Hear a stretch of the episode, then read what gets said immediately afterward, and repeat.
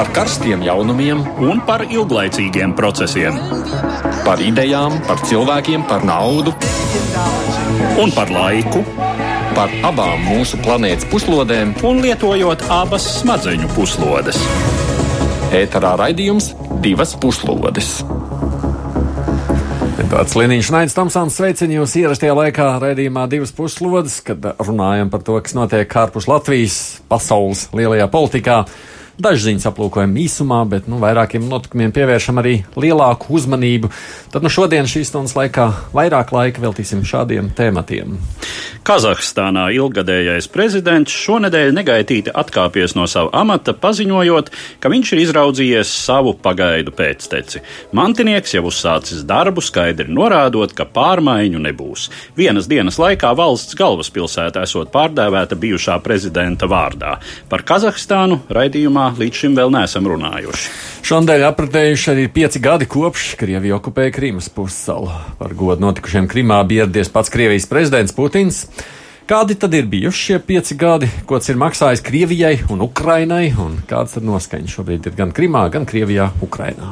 Vēl raidījuma laikā runāsim par Eiropas Savienības vienu no interesantākajiem iekšpolitikas jaunumiem. Lielākā politiskā grupa Eiropas Tautas partija apturējusi Ungārijas valdošās partijas Fidesz dalību savā Eiro, Eiroparlamenta frakcijā. Skaidrosim, ko tas nozīmē. Kopā ar mums šodien studijā ir arī ārpolitikas institūta direktors Rīgas Traģiņu universitātes profesors Andris Sprūts. Sveiki! Sveiki! Un arī Latvijas radio ziņdienas žurnālists Uģis Lībietis. Labdien! Bet mēs sākam gan ar pāris ziņām īsumā.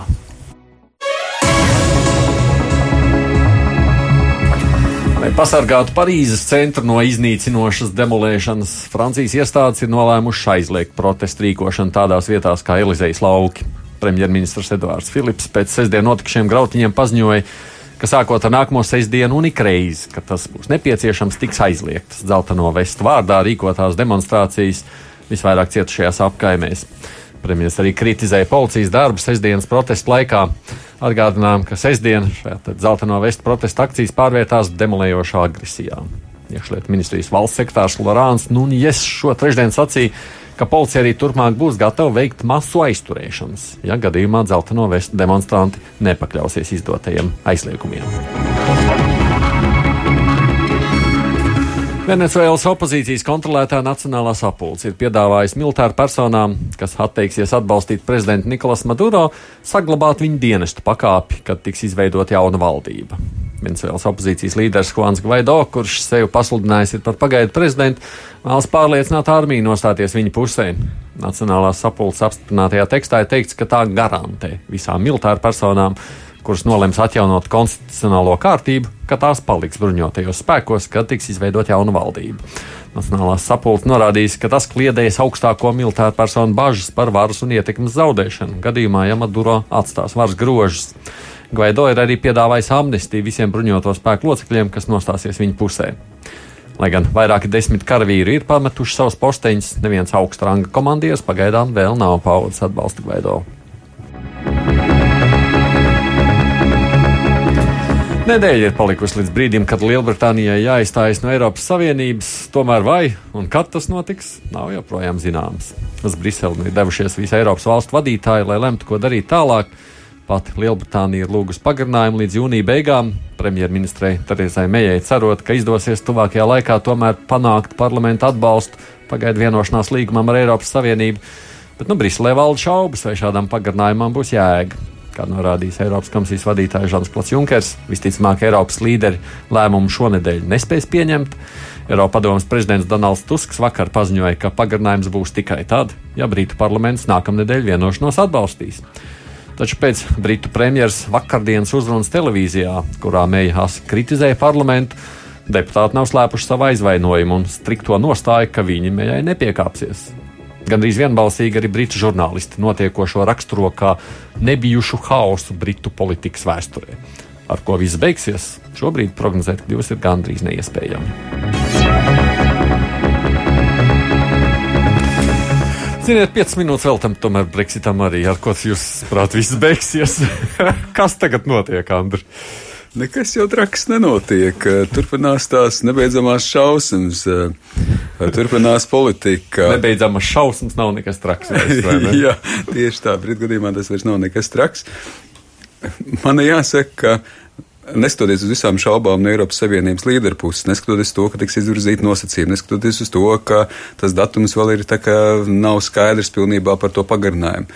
Ir pilnīgi skaidrs, ka Tereza Meija dabūs vienu lēmumu cauri, tas ir to, ka Eiropas Savienības līderi atbalstīs šo viņas pieprasījumu. Pagarinājums. Tur būs. nav, diemžēl, var, var diskutēt, nediskutēt, var tēlot, kad ir dažādi nosacījumi. Eiropas Savienība nekāds nosacījums nevar izvirzīt. Jo skaidrs, ka Eiropas Savienība šajā situācijā nu, negrib iedzīt ne Britu stūrī, ne vispirms pašu sevi stūrī. Bet pagaidām, šo nevi... nedēļu vai nākamā nedēļa, vai tomēr, nu, kā Tusks teica, pa priekšu balsojiet, un tad būs. Es teiktu, ka, tas, es teiktu, ka tas šajā situācijā absolūti ir otršķirīgi. Principā pilnīgi skaidrs, ka pagarinājums ir. Uh, es, teiksim tā, nu, varbūt Mēs te ruģi esam par šo to derējuši. Ar dalītā, dalītā, dalītā, ar dalītā, ar dalītām sekmēm. Tā, tā, tā versija. Es būtu gatavs sadarēt, ka, principā, Eiropas Savienība šo pagarinājumu sniegs. Vismaz tas labi. būs par, jā, Terēzē mēja par labi. Tā, tā. Katrā ziņā par to pat nav vērts derēt. Par to nav vērts derēt, jā. Bet, es, es, es šodien trešo reizi mēģināšu atbildēt uz šo jautājumu, jo es, es varu atklāt pateikt, ka es nezinu. Un tas man satrauc, tāpēc, ka nākošajā ceturtdienā es braucu uz Angliju un uz Īriju, un es nesaprotu, uz kurien es braucu, jo es nesaprotu, ar ko runāt. Kāpēc tu brauc? Tu cerēji, ka viņi beigs. Nē, mēs gaidām, mēs gaidām Eiropas nu, parlamentu. Vienreiz mēs jau esam piedzīvojuši, ka nekur nepārvietojoties, mēs pārvietojamies tomēr no vienas valsts citā. Nu, varbūt nu, jā, var atkārtot jau nu, pieredzi. Šeit ir vairāk stāsts par gatavošanos Eiropas parlamentu vēlēšanām, kur arī jā. Briti nezina, vai viņas būs vai nebūs. Uh, un, uh, nu, skatoties uz visu, jā, es piekrītu, ka šis pagarinājums visticamākais būs. Tas, kas notiks turpmākajā laikā, vai arī līdz tam jūnija beigām Lielbritānijas iekšienē, nu, tas gan būs ļoti nesmuki, man liekas. Un, nu, tur, tur Nu, mēs, jau, nu, mēs jau tagad nu. varam, es domāju, prognozēt diezgan daudzus politiskus upurus. Un, uh, gan, gan laboristu rindās, gan konservatīvu rindās. Nu, par mēju pašu nerunāsim. Viņa, man liekas, jau ir, nosacīta sevi arī norakstījusi. Bet, bet, uh, bet man liekas, ka katra politiskā partija saprot, ka no, no katra viņu nākošā soļa uh, ir atkarīga nu, ne tikai viņu pašu, bet veselas partijas uh, vai, vai pat visas Britu politiskās sistēmas nākotne. Un, uh, nu, Tātad, liekas, tas, tas, protams, ir ļoti interesants jautājums, kuru es, starp citu, nākamnedēļ, esot Strasbūrā, ceru uzdot Lielbritānijas Eiroparlamenta deputātiem, vai viss šis process tomēr nevedina uh, veikt kādas eh, būtiskas pārmaiņas vai vismaz analīzi par to, cik liela nozīme šajā visā ir Britu politikas sistēmai. Nu, vai, ja mēs iedomātos kaut ko līdzīgu Latvijā, nu mēs jau desmit reizes būtu sākuši diskutēt, vai ar satversmi viss ir kārtībā, vai tā sacīt saima iet vai neiet, un tā tālāk. Uh, Lielbritānijā pagaidām Šādā aspektā īpaši, manuprāt, uz to neskatās. Ir runa par to, kā uh, partijas tiks galā, kā tiks pārdalīta vara iespējams starp leiboristiem, vai šīs partijas nesadalīsies. Tādas tā, sabrukšanas pazīmes tur jau ir. Deputāti pamet frakcijas, veido neatkarīgās grupas. Bet uh, par sistēmu pagaidām nerunā. Ne, nu viena pozitīvā lieta ir tā, ka vēl pirms uh, trijiem gadiem Eiropas Savienība Lielbritānijas politikā bija 11. vietā. Šobrīd, šobrīd Eiropas Savienība absolūti ir pirmajā vietā. Vispār nekas cits nenotiek, tikai Eiropas Savienība. Tā kā gribot, negribot, Eiropas Savienība kļūst par vienu svarīgu tēmu. Bet varbūt tā ir tāda ironija. Es, protams, ka šeit negribētu nonākt pats sev pretrunā. Es, es pats teicu, ka tāda muļāšanās nu, ir diezgan ieprogrammēta. Jo pat ja tiks panākt šī konkrētā vienošanās, pat ja par to nobalso, pēc tam vēl būs jābalso nu, par konkrētām protams, jā. likuma paketēm, tā, tā kas vēl tā vien šķiet, ka tur arī varētu tos eh, zobenus eh, asināt viens pret otru un eh, tur, tur dzirkstos uz dažādām pusēm šķīst. Bet no otras puses, tas, ko teica Rūģis, Es varbūt nepārvērtētu, nepārspīlētu to, ka tagad viss sistēma nu mainīsies. Es domāju, ka tā sistēma ir pietiekoši stabila, pat ja tā sistēma jau ir mainījusies. Jebkurā gadījumā viņa permanentā maiņā nevarētu arī noliekt, ka nu, tagad vai uzreiz domāt, ka tagad mainīsies pilnīgi viss. Nu, jā, šis ir tas jautājums, kas sašķēlis arī partiju ietvaros. Vai tas nozīmē, ka pēc teiksim, šiem te balsojumiem momentāli būs pavisam cits partijas? Es domāju, ka nē. Bet uh, tur, kur man šķiet tā pozitīvā gaisma ir tāda, ka Terēzē Mējai, nu, viņa ir principā spēlējusi to spēli, tā var teikt, diezgan konsekventi. Viens, viņa, viņa tomēr ir turējusies pie no, savu krēslu un noturēsies, ja neviens cits arī nemaz īsti tur neviens cits tur nelaužās. Un otra lieta, viņa faktiski nu, ir nolikusi deputāts pie sienas, un arī vakardienas viņas uzruna bija piespiest vēl papildus pie sienas. Šobrīd ir divas izšķiršanās. Vispirms izšķiršanās ar konservatīvo partijas ietvaros. Ja konservatīvie šobrīd nenobalso partijas simts, kas ir balsojuši vienmēr pret, tad faktiski viņi var dabūt mīkstāku Brexit vai vispār neizstāšanos. Viņiem ir izšķiršanās par to, vai viņi balsos par to kaut cik, kas ir. ir skaidrs, jā. vai, vai nebalsos ne par ko. Savukārt, ja viņi nenobalsos un, teiksim, nebūs šīs te balss, to, ko jau Terēza Meija teikusi, ne viņi gatavi izstiept roku, ja tā var teikt, pāri partiju līnijām, un viņi gatavi stiepties pie laboristiem, kur būs iespējams kaut kāds, nu, ja tā var teikt, uh, salīdzinoši liberālāks, atvērtāks, saistošāks, integrējošāks modelis ar Eiropu. Vie, kur ir manevri iespējas, jo šobrīd spīkers uzlicis daļēji elementu, Jā. teiksim, tādu šķērslus tā, ka nevar piedāvāt piedāvāt pilnīgi to pašu, kur ir zināmā veidā manevru iespējas, ir tā saucamā politiskā deklarācija. Politiskā deklarācija ir daļa no šīs paketes. Politiskā deklarācija šobrīd ir ļoti īsta, kurā faktiski ir. Tas ir vienīgais, kur var ir, kaut ko izdarīt. Ir, ir, ir, ir diezgan liels manevru iespējas, jo tur ir tukšums. Tur var ielikt diezgan daudz ko. Un tad gan dokuments būs savādāks, mm. un varēs pamatot, ka viņš ir substanciāli mainīts. Un otrs puses, protams, ka tur varēs ielikt kaut kādas lietas, kas kaut kādiem deputātiem būs pārdodamas. Bet nākamais ir pilnībā. Balsojums. Kaut kāds jau būs, un neviens viens domā. šogad es neesmu, par šogad es neesmu, kaut kāds par šogad, jo bija jau principā doma, ka tas būs vakar. Bija gan, jā. Jā, mēs jau esam pārgājuši nākamajā. Labi, mēs par Brexit droši vien nākošajā reizē arī vairāk runāsim, jo tomēr arī citi temati, kam mēs gribējām šodien vairāk uzmanību pievērst, tad no sākumā minētie temati sākam vispirms ar notikumiem Kazahstānā.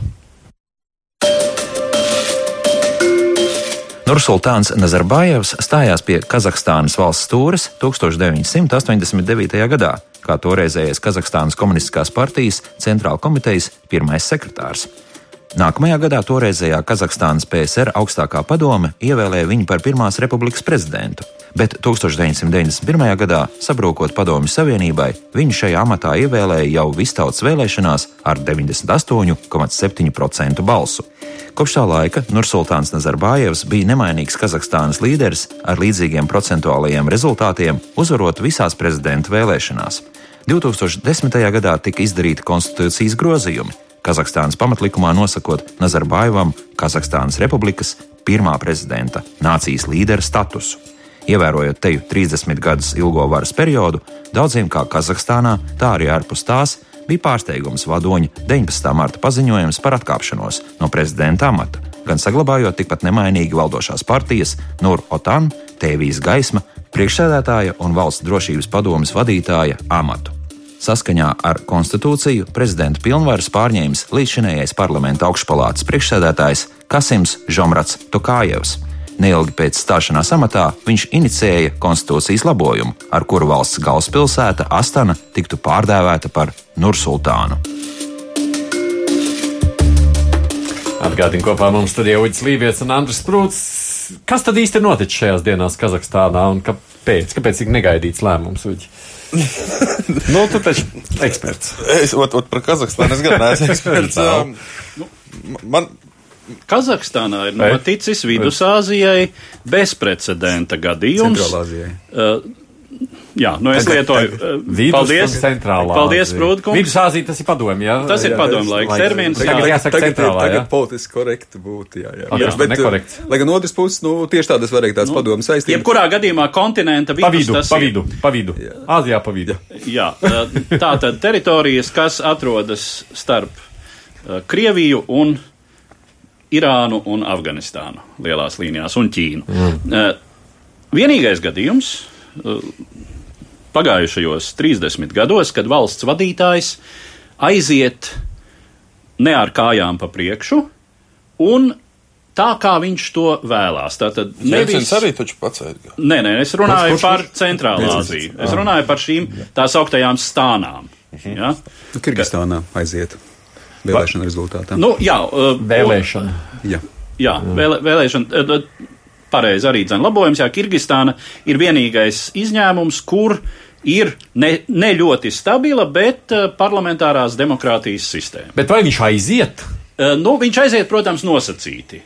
Respektīvi, viņš ir inicijējis procesu, kura rezultātā varas nomaiņai vajadzētu notikt mierīgi, bez lieliem satricinājumiem un viņa kontrolēti. Nu, Tātad eh, viņš atkāpjas no prezidenta amata, kuru ir ieņēmis teju 30 gadus, un, kā jau klausītāji dzirdēja, šo varu ieguvis vēl kā Kazahstānas komunistiskās partijas centrāla komitejas pirmais sekretārs. Bet tur jau viņi daudz vai ne tajā galā kā Jā, pirmie sekretāri. tieši tādi. kļuva Tādi, paši precedenti ir Turkmēnijā un Jā. Jā. Uzbekijā. Uh, Un uh, šajā, uh, šajā gadījumā viņš, protams, paliek uh, arī nemainīgi valdošās partijas vadītājs un saglabā uh, faktiski droši vien saglabā kontroli pār politiskiem procesiem valstī, nu, vai nu uz visu atlikušo mūžu, vai tad arī tik tālu, cik tālu, tik ilgi, cik ilgi viņš to vēlēsies, nu, ja nenotiks nekas neparedzēts. Un laikam Kazahijas gadījumā, teiksim, kaut kas neparedzēts ir mazāk prognozējams nekā tas varētu būt, teiksim, tādā Uzbekijā, nerunājot par, par Kirgīziju, piemēram. Bet kāpēc viņam tas bija vajadzīgs? Jo tas jautājums ir tāds, nu, kāpēc nevar gaidīt, kamēr nesakājām pa priekšu? Edvards, man liekas, ka mana domas tā joprojām, domas es vēl- jau, joprojām ir domas tur, jo visu laiku tā Centrālā Azija, Uzbekistāna, Kirgistāna, ne Uzbekija un ne Kirgīzija. Man, man ir tas pats. Es, Es vienkārši es klausos mazliet tajā narratīvā, bet viss ir kārtībā. Es domāju, ka nu, šeit nav, nav, nav jau konceptuāls atšķirības, un arī tur, tur kā diskutē, bet nu, teorētiski viņi paši ir mēģinājuši, mēģinājuši būvēt. Un es domāju, ka tā būvniecība, tas, ko arī Nursultāns Nazarbājevs teica, ja tā var teikt aizējot, viņš teica, ka faktiski šī valsts nepastāvēja uz kartes, tā bija apzināta, teiksim, valsts būvniecība. Tur, teiksim, varbūt es sākšu no otra gala. Kāpēc? Nu, kāpēc? Tāpēc, ka es domāju, ka viņš apzinās, ka vienā brīdī tieši tā viņš negrib, lai viņi iznes ar kājām pa priekšu, ka viņš grib nodrošināt zināmas sistēmas kontinuitāti, kurā viņš vēl joprojām ir klātesošs, kurā viņš ir bijis drošības un stabilitātes garants. Un lielā mērā pat patestēt un paskatīties un būt klātesošs jau pats Nursultāns, kas šobrīd ir Astana vai ne, kas ir lielā mērā viņa bērns, viņa strateģiskais tāds lēmums, ka tuvāk tur, kur arī krievalodīgie ir, nevis Almatī, bet uh, tuvāk pa vidu, un lai pie reizes ir iesaistīts dažādas grupas un iesaistīti tie reģioni, kas ir mazāk attīstīti. Nu, Nursultāns Nazarbājevs, un tas man šķiet, zinām veidā aizējoša ēra, vai tā ir bijusi vesela ēra, kas ir bijis tāds nu, etalons autoritāriem, apgaismotiem dažādi spēlējošiem gan uz rietumiem, gan uz austrumiem līderiem. Valsts, kas tiešām faktiski nav pastāvējuši, kas kaut kādā veidā bijis ar klejotāju nomadu domāšanu, viņš ir izveidojis par nu, lielā mērā ietekmīgu. Centrālā Azijā un ne tikai spēlētāji. Uh, arī tas, ka teiksim, šeit, protams, ka būs interesanti paskatīties uz Krievijas rīcību, jo Krievija un Ķīna noteikti savu spēli spēlēs. Plus vēl arī tas, ka šobrīd tā viņš ir būs interesanti arī pašā reģionā. Kazahstāna bijis tas stabilitātes un, ja tā var teikt, uh, nu, mierīguma, labas attīstības priekš Centrālā Azijas reģiona centrs, tad šobrīd, principā, tas vairāk pārvirzās uz Uzbekistānu. Jā, bet- Uzbekistāna kļūst par centru. Bet es Jā. skatoties, es nezinu, cik daudz uģis tur stāstīs savās uh, raidījuma sadaļās, bet, nu, skatoties arī kādās, uh, nu, pieņemsim, uh, brīvā Eiropa kaut kādos raidījumos, viņi jau tur pēdējā laikā stāstīja par dažādiem, nu, nu varbūt ne ļoti lieliem, bet protesta akcijām, tur, tur mātes vai kas tur daudz bērnu ģimenes protestēja un vēl, nu, tur bija tā kā tāda, nu, nezinu, vai, neapmierinātība. Nu, vakar jau arī protestēja pret uh, pilsētas nosaukumu maiņu, un jau mm. daži cilvēki jau ir arī paņemti ciet. Uh, man uh, par šo te. Uh, pēctecību man nāk prātā savulaik, tad, kad burāju uz krievu burinieka mir, tur ir tāds jēdziens kā kapitāna stavņik, tas ir kā, nu, kapteinis skolotājs, kurš kaut kādu laiku brauc līdzi reisos un apmāca topošo kapteini. Viņš faktiski ir tādā pašā rangā, viņš ir kapteinis, bet viņš nodod visas savas zināšanas un skatās, kā tu mācies. Nu, faktiski viņš dod to savu apstiprinājumu, ka es tevi atzīstu par labu esam. Un es pieļauju, ka Kazahstānā varētu būt šāds pats nu, risinājums. Turklāt to pašu Krievijas faktoru un pārējo ņemot vērā, nu, es pieļauju, ka Nazarbājovs var dot diezgan labus padomus, kā tad nu, pretoties gan, gan potenciālajiem kaut kādiem um, virzieniem vai paņēmieniem gan no Krievijas, gan no Ķīnas puses, kas, kas, kas nu, ir nemaz tā veiksmīgi spēj sabalansēt. Uh, jo es, nu, atbildot, ļoti veiksmīgi. gan Ļoti. Krievijas, gan Rietumu intereses. Gan Rietumu, gan Ķīnas, gan Krievijas. Principā šobrīd no visām Centrālāzijas valstīm ā, Kazahstānai tieši ir pirmā vietā tirzniecība ar Eiropas Savienību. Tā kā pat nestoties to, ka Eiropas Savienība ir tālu, tomēr Eiropas Savienība ir klātesoša ekonomiski, tā teikt, šīs tā maigās varas elementā. Un uh, Kazahstāna tiešām ir ar spēju laiku pa laikam atvērties, arī tā skaitā uz rietumiem. Tas, ka tur ir, ja tā var teikt, kārtība, labākā demokrātijas forma ir vienalga, kā mēs to saucam, vai nebezinām autoritārs līderis. Nu, tas, eh, protams, ka Centrālā Azija ir raksturīga, no tā mēs laikam nekur neaizmuksim. Un Kazahstā, Kazahstāna, Kazahstāna ir kā piemērs tai stabilitātei, savukārt Kirgistāna, kurā tiešām ir šīs prezidenta nomaiņas ir uzskatīts par tādu zināmu piemēru, kā nevajadzētu būt, ka šis, šis modelis īsti nedarbojās. Mm -hmm. Bet šobrīd, teiksim tā, man tomēr tā bāža ir, ka Kazahstāna ar Nursultānu Nazarbāju, kas ir bijis ilgi pirms Putina, ka tomēr Nu, viņš pat ir bijis nastavniks tieši tā. Viņš Vi- pat ir bijis nastavniks daudziem šajā reģionā. Jā. Putins īsti man šķiet, ka tur bija tā cieņa, pat Eirāzijas Savienība, tas ir Nazarbājeva termins. Uh, un līdz ar to, teiksim, tā, tur nevarēja īsti uzspiest tādu terminu, ko pats Nazarbājevs nebija domājis. Bet šobrīd Nazarbājevam aizējot, Pārējās valsts ir vien, vienmēr kaut kur paslēpušās aiz Kazahstānas, kaut arī tīri geogrāfiski. Šobrīd, principā, neviens, neviens paslēpties tīri nevar. Un skaidrs, ka Kazahstāna, kas ir milzīga teritorija, pietiekoši liela krievulodīgo daudzumu, kurā ir līdzīga teritorija kā savā laikā Krimā, kas arī tika piešķirta uh, Kazahstānai padomu savienības ietvaros, nu, nevar izslēgt, ka Krievija, teiksim, šajā gadījumā centīsies spēlēt savu spēli aktīvāk. Pat ja jāsaka, laikam, ka šobrīd tomēr Krievijas nu, vairāk tāda uzmanība ir veltīta Baltkrievijiem. Varbūt, teiksim, Nav. arī, arī tas ir iespējams, ka Bet, iemesls, kāpēc ir notikusi bet, tieši šobrīd bet šī pārmaiņa. pieskaroties jau mūsu nākamajai tēmai, ā, pēdējos gados notiek šīs spekulācijas, kur varētu būt Putina nākamā militāra politiskā avantūra. Kazahstāna tiek piesaukta. Piesaukta. Jo, manuprāt, ā, Padomju Savienībā, izņemot Baltkrieviju, tā bija visrusificētākā Padomju republika ar lielāku krievalodīgo procentu nekā Ukraina. Un, ā, Protams, šis elements tur ir klātesošs. Starp citu, ja es neko nejaucu, tad savu atkāpšanās runu prezidents Nazarbājevs teica Krievu valodā. Jā. Uh, mēs esam Lai gan, sazvanījuši lai gan šobrīd ministru kabineta sēdēs viņš ir aizrādījis ministriem, ka ir jārunā kazahvalodā. Citā valodā. Ārlietu ministrijas divpusējo attiecību direkcijas vadītājs Ilgvars Kļava mūs dzird. Kļavas kungs, labdien! Labdien! Sakiet, kā jūs uh, redzat, kā šī te, nu, tāda varas maiņa varētu ietekmēt attiecības, ja vispār, nu, valstu attiecības reģionā un ietekmes sfēras? Nu, jā, nu, mēs esam vēl tikai, es domāju, procesa pašā sākumā, lai varētu kaut kādus vērtējumus dot. Bet nu, katrā ziņā vienu var pateikt pavisam droši, ka uh, ņemot vērā to, kā nu, šīs šī politiskā vara, kā, kā, kā tas viss ir būvēts gan Kazahstānā, gan citās tā reģiona valstīs, nu, tas ir ļoti nozīmīgs moments, teiksim, šī te varas nodošana no vienām rokām otrās vai varas transfers. Un, un tas, protams, var atstāt iespaidu un ietekmi un noteikti atstās uz to, kāda būs nu, šo valstu politika turpmāk. Protams, personālīs tur spēlē ļoti lielu lomu. Sakiet, nu, kā, kā, kā mēs raksturojam, kādas ir Latvijas un Kazahstānas attiecības?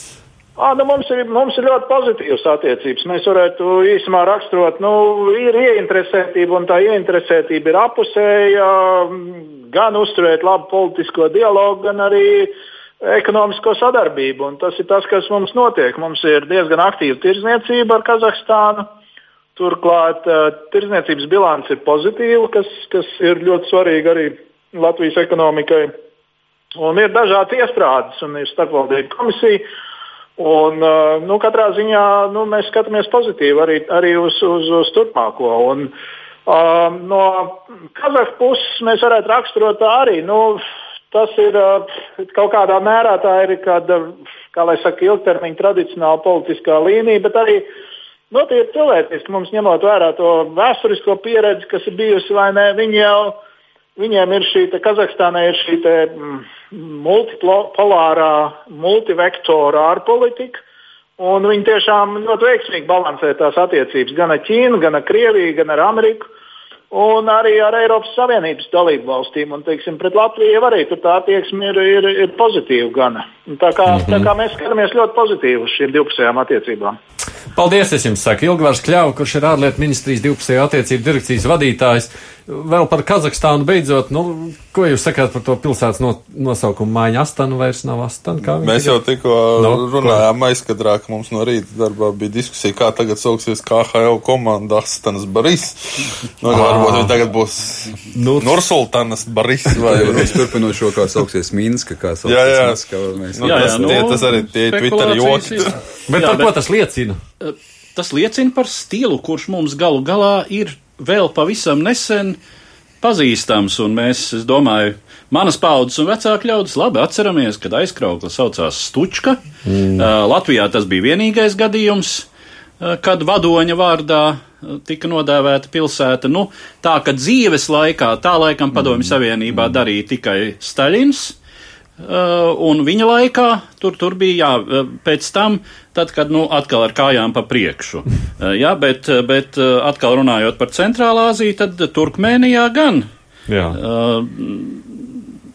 Krasnovodskas pilsēta tika pārdēvēta par Turkmenbašī, kas ir tituls, kuru valkāja Saparmuracnī Jāzovs, tātad turkmēņu tautas vadonis. Bet tad mēs varētu sacīt, noslēdzot šo sadaļu, ka kā tas viss vēl izdosies, un vai un kā mainīsies, vai paliks tāda pati politika, tas vēl tomēr droši nav sakāms simtprocentīgi. Droši nav, lai gan, teiksim, atkal no mazliet negribot nonākt sev pretrunā un sakot, ka ir daudz un dažādi izaicinājumi. Es aizmirsām, ko iepriekš teicu.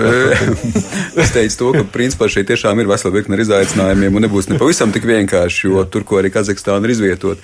Bet, ja mēs skatāmies arī uz tiem jautājumiem par pēctecību, kas arī bija kā liela jautājuma, kas notiks tad, kad aizies Jāzokungs Turkmenistānā, kas notiks, kad aizies Karīmo kungs eh, Uzbekistānā, ka tur būs Krievijas iejaukšanās, ka principā tas destabilizēs situāciju. Principā viss šīs nomaiņas ir bijušas ļoti, ļoti, ja tā var gludas. teikt, gludas.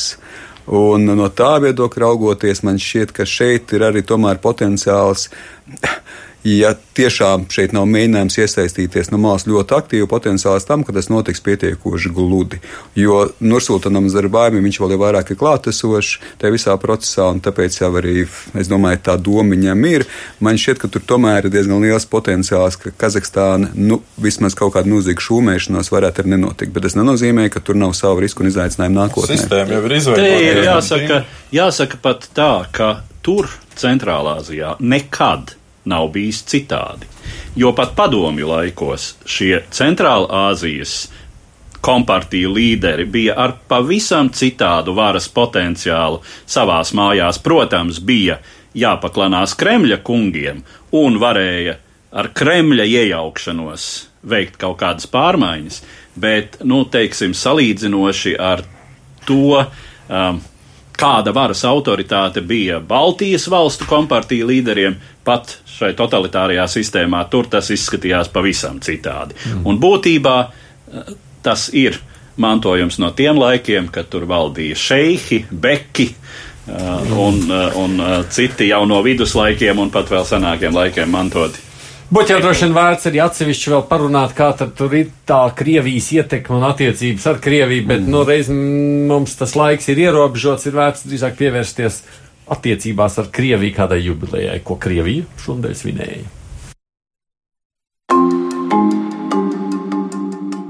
Astoņpadsmitais marts Krievijas federācijā ir atzīmējams datums - Krievijas un Krimas atkal pievienošanas diena. Krievijas pretiesiski anektētajā Krimas puselā tā pie tam ir izējamā diena. Šogad svinēts tika ar īpašu vērienu, cik tālu pieci gadi pagājuši kopš notikumiem, kuri vēl dažas nedēļas pirms tiem šķita neiedomājami vairumam ļaužu Ukrainā, Eiropā un citur pasaulē, domājams arī Krievijā un pašā Krimā. Proti, 2014. gada februāra nogalē strauji un praktiski bez cīņas okupējusi Ukrainai piedarošo Krimas pussalu, Krievija to pasludināja par savu teritoriju. Tā bija Kremļa atmaksa Ukraiņas tautai par nevēlēšanos turpmāk paciest korumpēto, nekompetento un ārpolitiski nekonsekvento prezidenta Viktora Janukoviča varu. Kā vēlāk atzina Krievijas prezidents Vladimirs Putins, ar ideju anektēt Krimu viņš nāca klajā slepenā Krievijas drošības dienesta vadītāja sanāksmē jau dienu pēc tam, kad Eiromaidana nosaukumu iegūšie masu protesti piespied Janukoviču un viņa ministrus bēgt no Kijevas. Par okupācijas galveno atbalsta punktu kļuva Krievijas kara flotes bāze Sevastopolē. No šejienes Krievijas speciālo uzdevumu vienību kareivi bez atpazīšanas zīmēm, iesaukti par mazajiem zaļajiem cilvēciņiem, strauji izvērsās pussalas teritorijā, bloķēja Ukraiņas bruņoto spēku objektus, pārņēma komunikācijas un ieņēma valdības ēkas.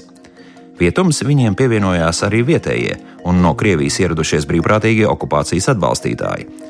Ukraiņas bruņotie spēki, pārsteigti, pilnīgi nesagatavoti, neizrādīja praktiski nekādu organizētu pretestību. 27. februārī Krimas autonomās republikas augstākā padome, pulcējusies zaļo cilvēciņu ieņemtajā autonomijas parlamenta ēkā Simferopolē, ievēlēja jauno autonomijas vadību, kas deklarēja, ka neatzīst Kievā izveidoto pagaidu valdību. 11. martā augstākā padome, kā arī autonomijā neietilpstošā Sevastopols pilsētas padome, pasludināja neatkarību no Ukrainas. Paralēli tika organizēts referendums, vairāk kārt saīsinot tā sagatavošanas termiņu un minot jautājumus līdz 2014. gada 16. martā Krimas iedzīvotājiem tika piedāvāts izšķirties vai nu par pussalas pāriešanu Krievijas sastāvā, vai arī par atgriešanos pie konstitūcijas, kas Ukrainā bija spēkā līdz 1998. gadam. Jautājums par palikšanu Ukraiņas sastāvā, ievērojot tās pastāvošo pamatlikumu, netika izvirzīts. Pēc Krievijas publiskotajiem datiem dalība sasniegusi 89,5% un apmēram 96% nobalsojuši par pievienošanos Krievijai. Visu vainagoja attiecīga līguma parakstīšana Maskavā 18. martā, kas arī kļuvusi par ikgadu atzīmējumu mūsu kaimiņu valstī aiz Zilupes. Lieki piebilst, ka tam visam nebija nekā kopīga nedz ar Ukraiņas likumdošanu, nedz starptautiskajām tiesībām un Krievijas starpvalstu saistībām. Turpinot izvērst militāru politisko avantūru pret mazāko kaimiņu valsti, nākamajos mēnešos Krievija uzsāka agresiju arī Ukraiņas austrumos, taču vīlās savās cerībās arī šeit īstenot Krimai līdzīgu aneksijas scenāriju.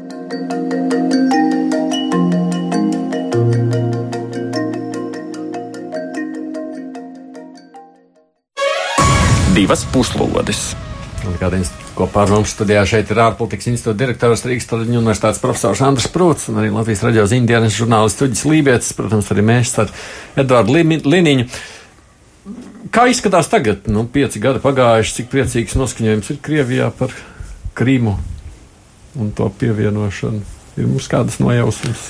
Noskaņojums ir pietiekoši priecīgs. Domāju, ka tomēr nu, tas priekš Krievijas ir bijis svarīgs, un mēs varam daudz kā skatīties un kritiski no savas puses, bet, protams, ka Krievijas sabiedrībā kopumā mm. tas ir atzīts kā pozitīvs fakts. Ja skatās tās aptaujas, tad Krimā lielā absolūtais vairākums ir par to, ka tas ir bijis ļoti labs notikums, par to, ka tam ir pozitīvas konsekvences. Skaidrs, ka arī tā finanses ekonomiskā labklājība Krimā ir izaugusi. Un es domāju, ka daudziem cilvēkiem no tas nav bijis arī mazsvarīgi. Un jāatzīst, ka, ja mēs skatāmies arī to balsojumu iepriekš Ukraiņas sastāvu, pa ko balsoja, nu vienmēr Krima balsoja par prokrieviskiem prezidentiem vai prezidentiem, kas bija orientētus uh, uz Krieviju.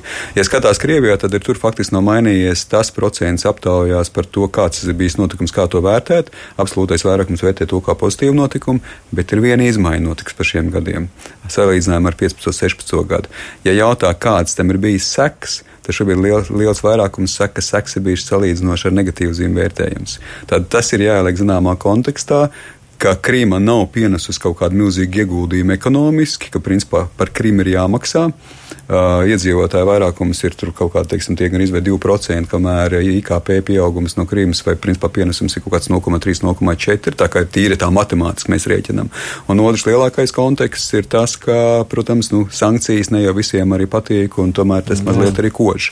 Plus trešais ir tas, ka nenoliedzami, nu arī par pašu sistēmu, šobrīd sistēmā vairs nav tā vienkāršā korelācija, kad tie ārpolitiskie patriotiskās uzvaras, uzvaras un sasniegumi, ka tie uzreiz teiksim, mudina sabiedrību dot pozitīvu domāt par varu. Šobrīd, šobrīd sabiedrība skatās uz citām lietām, jo Krimu var kaut kādu laiku izmantot, bet tas laiks arī pagājis. Bet kopumā tomēr vairākums ir noskaņot pozitīvi par faktu. Tas ziņas tagad, ka Krievija rēķina, cik varētu piestādīt Ukrainai rēķinu par to, kā viņi nav rūpējušies par Krīmu. Nē, nē, nu tagad jau ir par to, ka nevis nav tikai rūpējušies, bet Ukraina ir anektējusi Krīmu. Par jā. to ir stāsts. Jā. Bet uh, šis, šis, man liekas, iet ļoti labi kopā ar to pēdējos gados vērojamo, vismaz dzirdēto par nu, Krievijas vēstures pārrakstīšanu sev, sev patīkamā veidā, kas ir diezgan.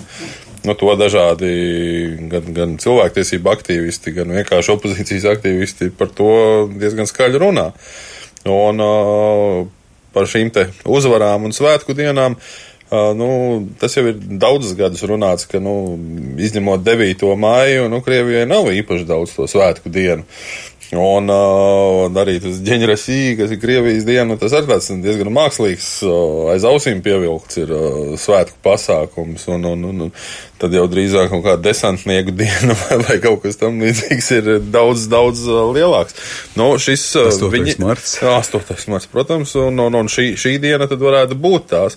Uh, vai tas. Uh, Izpaužās kā nu, tiešām pamats lielām svinībām. Es domāju, ka Krievijā īsti nē. Uh, Bet nu, varai un televīzijas kanāliem ir ļoti svarīgi šo te, nu, vismaz mītu uzturēt, ka viss, viss notiek. Kaut gan nu, domāju, pietiekami arī daudz ir rakstīts par to, ka jā, šie līdzekļi, kas aiziet uz Krimu un arī viņi diezgan, diezgan pazūd nosacīt, nu, tā informācija jau atkal netiek tik, tik daudz publiski stāstīta un arī varbūt tautēts nemaz nav jāzina. Mm.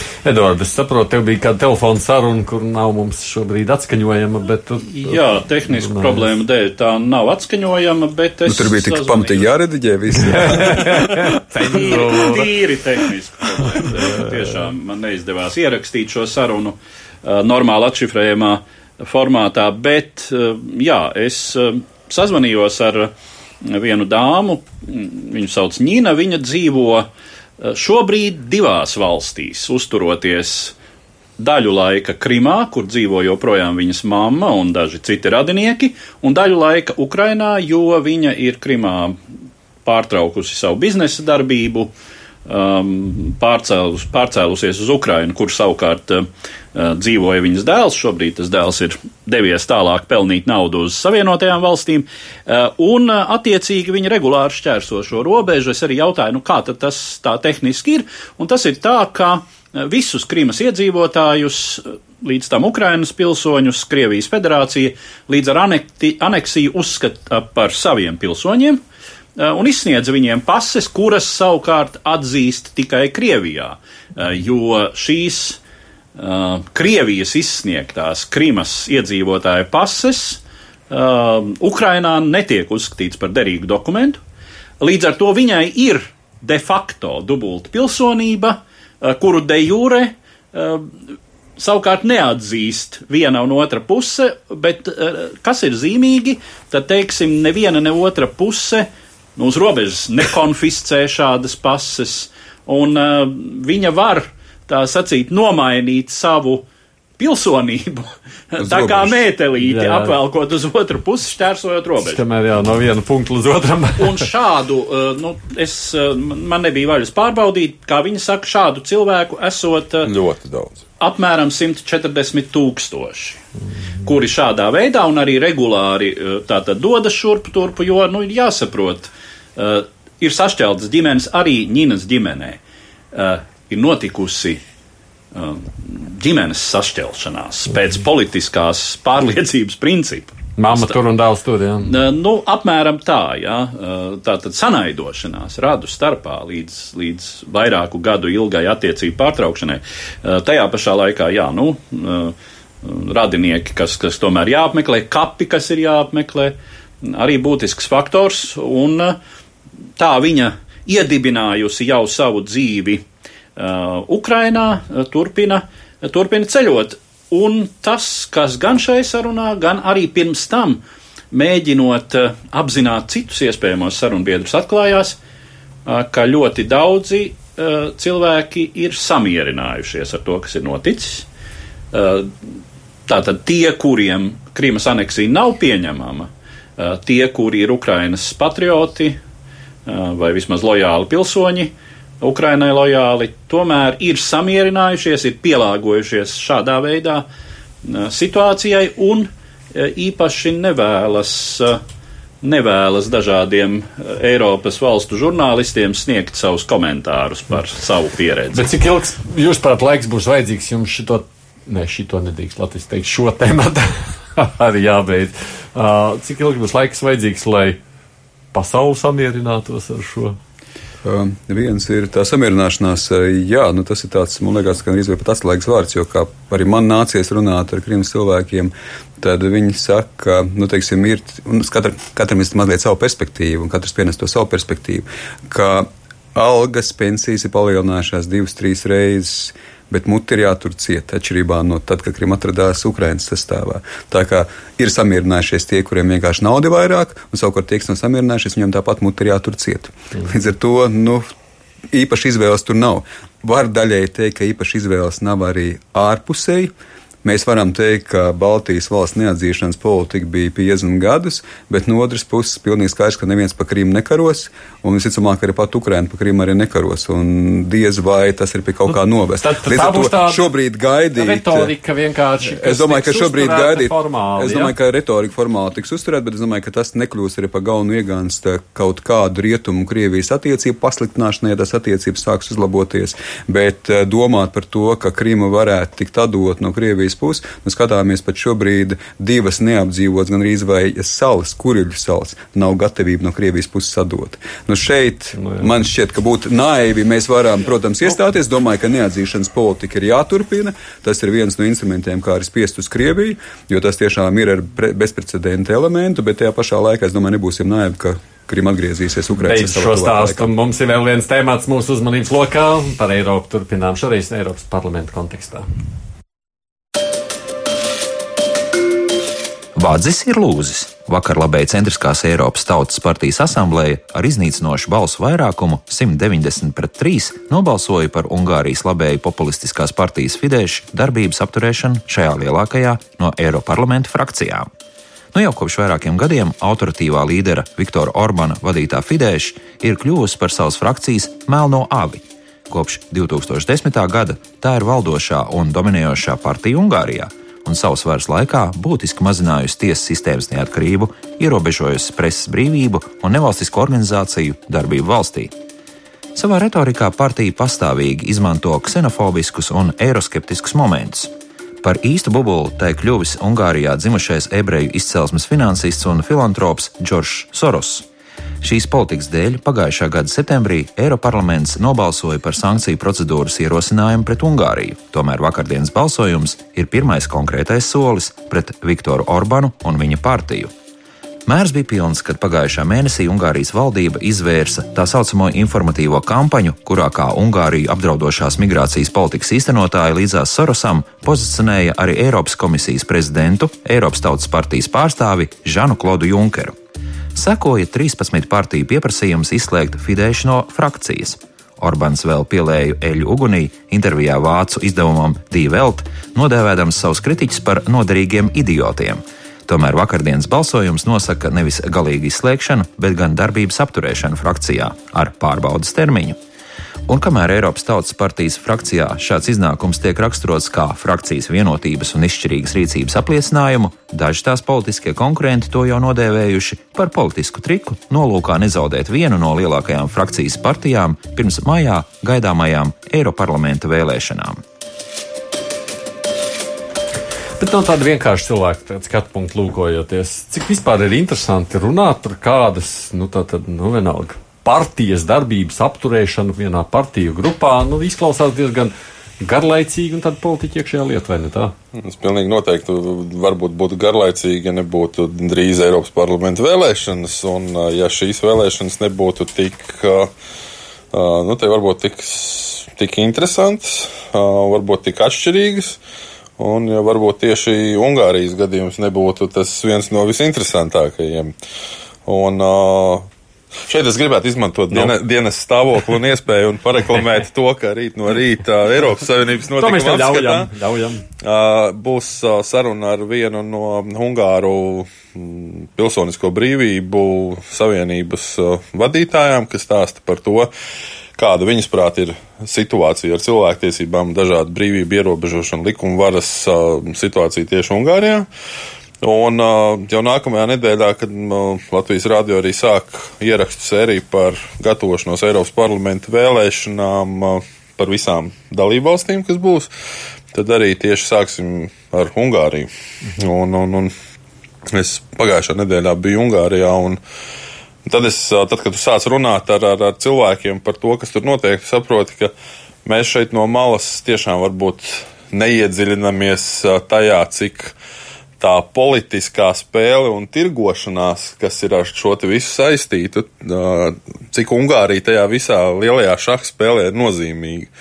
Jo šeit nav stāsts par uh, tikai par, par, par vienas partijas līdera, varbūt kaut kādiem nepārdomātiem vai, vai speciāli pārdomātiem izteikumiem.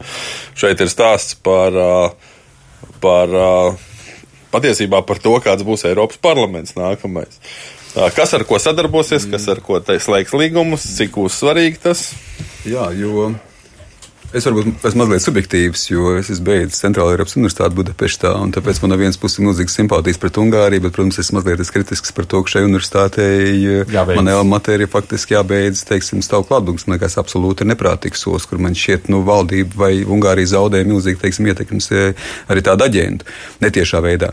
Bet runājot par Ungāriju, es piekritīšu Uģim tajā ziņā, kur varbūt izskanēja tie vārdi - interesants Eh, svarīgs. Kāpēc? Varbūt es skatītos vairāk ar to, vai saistītu ar to pirmo tēmu, ko mēs runājam par Nursultānu Nazarbājevu Centrālā Azijā, tad tas ir faktiski par līderības eh, fenomeniem, līderības modeļiem. To, ko mēs šobrīd redzam arī Eiropā. Faktiski ir bijis tradicionālā politika, varbūt tas sasaistās arī ar Brexit, vai ne, ka bijis tradicionālā politika sociālisti.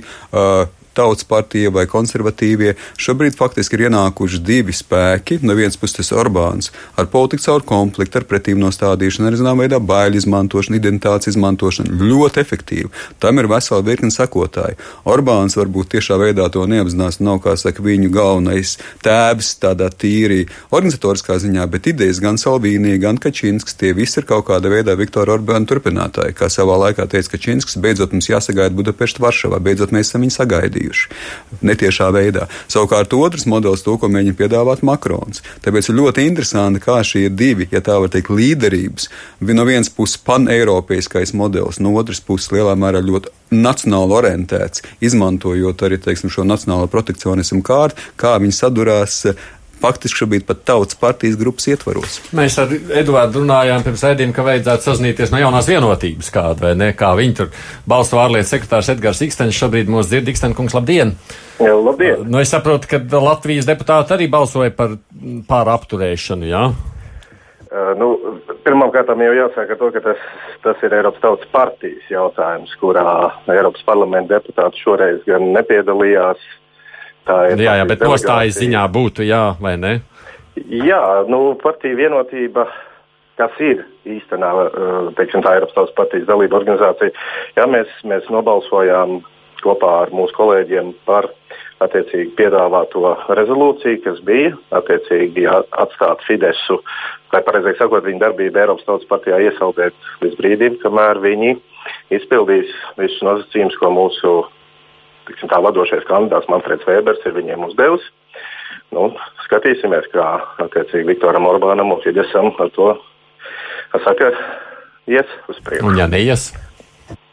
Nu, ja neies, tad eh, mums ir izveidota, tiek izveidota īpaša komisija, kurā, kuras sastāvā ir gan Hermans Van Rompējs, gan, gan bijušais Eiropas parlamenta prezidents um, Hans-Gers Poterings un bijušais Austrijas kanclers Šusels. Nu, viņi, nāks, viņi nāks ar savu redzējumu, ko tad, ko tad tālāk ar Fidesz darīt. Nu, attiecīgi, Fideszam ir noteikti tas pārbaudas laiks. Nosacīti. Tur mēs to termiņu gan mēs nezinām, bet šie cilvēki ir vismaz Eiropas Tautas partija augstu vērtēti. Viņi, viņi var nākt ar savu ekspertīzi un, un teikt, vai, vai nu mums ir pa ceļam ar Fidesz arī turpmāk, vai tomēr mums ar Fidesz nav. Mm. Edgars Ikstēns, jaunās, paldies, jaunās vienotības ārlietu sekretārs Eduard, nu, ko tu saki? es saku, ka visai loģiski, ka šī Eiropas Tautas partijas frakcija vai grupa, jeb grupa ir kļuvusi par zināmā mērā cīņas arēnu, jo līdz šim, teiksim, šis centriskums ļoti labi kalpoja un funkcionēja Eiropas politikas kontekstā. Nu, tā tad labēji centrisks bloks, kurā varēja būt tāda partija kā vienotība, kuru mēs eh, Latvijā mm. uztveram drīzāk kā liberālu partiju, eh, un tāda Fidesz, nu, kas ir izteikti labēja, pat es domāju, daudzās izpausmēs radikāli labēja partija. Eh, bet tās, tās līdz šim, vai līdz kādam laika momentam, tīri labi sadzīvoja. Uh, šai uh, centriskajā partiju blokā.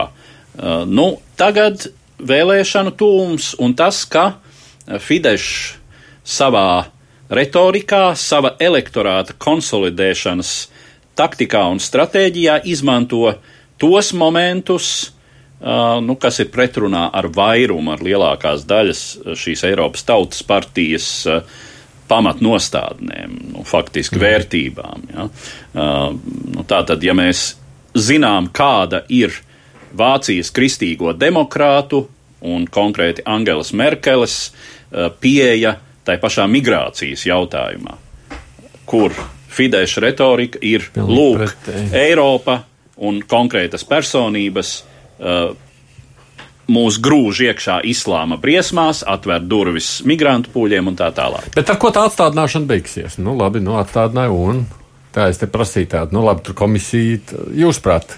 Sagaidīsim, sakot, sagaidīsim Eiropas parlamentu vēlēšanas, un, un tad, tad redzēsim, cik mums viņš ir izdevīgs vai nē. Tad tas viss tās tikai no šāda, kas nu, ir izdevīgs. Pagaidām, jā, es domāju, tur nav vērts uh, ilgāk domāt, uh, jo šis laiks arī līdz vēlēšanām parādīs, uh, nu, vai tad tiks kaut kādi tie solījumi pildīti vai nē. Bet, nu, atkal jau, ne, nē, es labāk nestāstu, neteikšu priekšā. Pirmdien klausieties, īstenības izteikšu.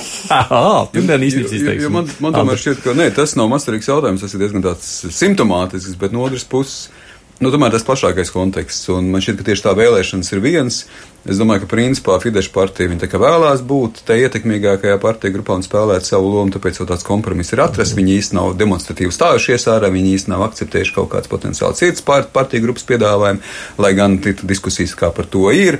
Es neizslēdzu, baumas ir, vai ne, es neizslēdzu, ka viņi atver šādā veidā tā spēle ir. Un tas jau ir Orbán šis te politika caur komplektu, nu, tā, tā ir viņa, tas ir viņa moto, tas ir viņa, mm -hmm. kā saka, brands šādā veidā, teiksim, veidot arī savu. Bet tā problēma, tas jautājums ir no vienas puses tas plašākais. No vienas puses, tā ir labēja partija, kas tieši tā spēlē uz bailēm, kas spēlē pret migrantiem. No otras puses, viņa ir diezgan sociālistiska partija. Viņa spēlē uz sabiedrības labklājību, viņa spējas nodrošināt liels Ungārijas sabiedrības eh, teiksim, atbalstu, jo tur ir tādas subsīdijas, tur ir tāda pabalsta. Pilnīgi to pašu, ko dara Pisa Polijā. Tās ir divas ļoti identiskas, teiksim, partijas ar ļoti identisku pieeju gan stila ziņā, gan saturiskā ziņā. Un no tā viedokļa, teiksim, šobrīd, ja mēs runājam, varbūt es negribētu runāt par Orbānu, es negribētu runāt par Poliju kā autoritāras iekārtu ārkārtas. Bet no otras puses, zināmā veidā ar tādu vieglu, vieglu tendenci, ja tu nodrošini labklājību sabiedrībai, un no otras puses arī nodrošina aizsargāšanu pret ārējiem kaut kādiem iedomātiem vai neiedomātiem migrantu teiksim, plūsmām, faktiski tu vari mazliet uzspēlēt arī uz autoritāro kārti. Andris Prūts ir ārpolitikas institūta direktors un Straģiņa universitātes profesors Vidis Lībijams, Latvijas radio ziņdienas žurnālists. Paldies jums, ka atnācāt. Edvards Līniņš, arī Latvijas radio žurnālists. Un arī Saidis Tomsons bija šeit studijā. Tiešām paldies, producents. Šoreiz mums bija Loreta Bērziņa. Paldies, ka bijāt. Tiksimies tātad atkal pēc nedēļas šajā pašā laikā. Tad atkal lūkosim, kas tad notiek pasaules politikā abās divās zemes puslodēs. Divas puslodes!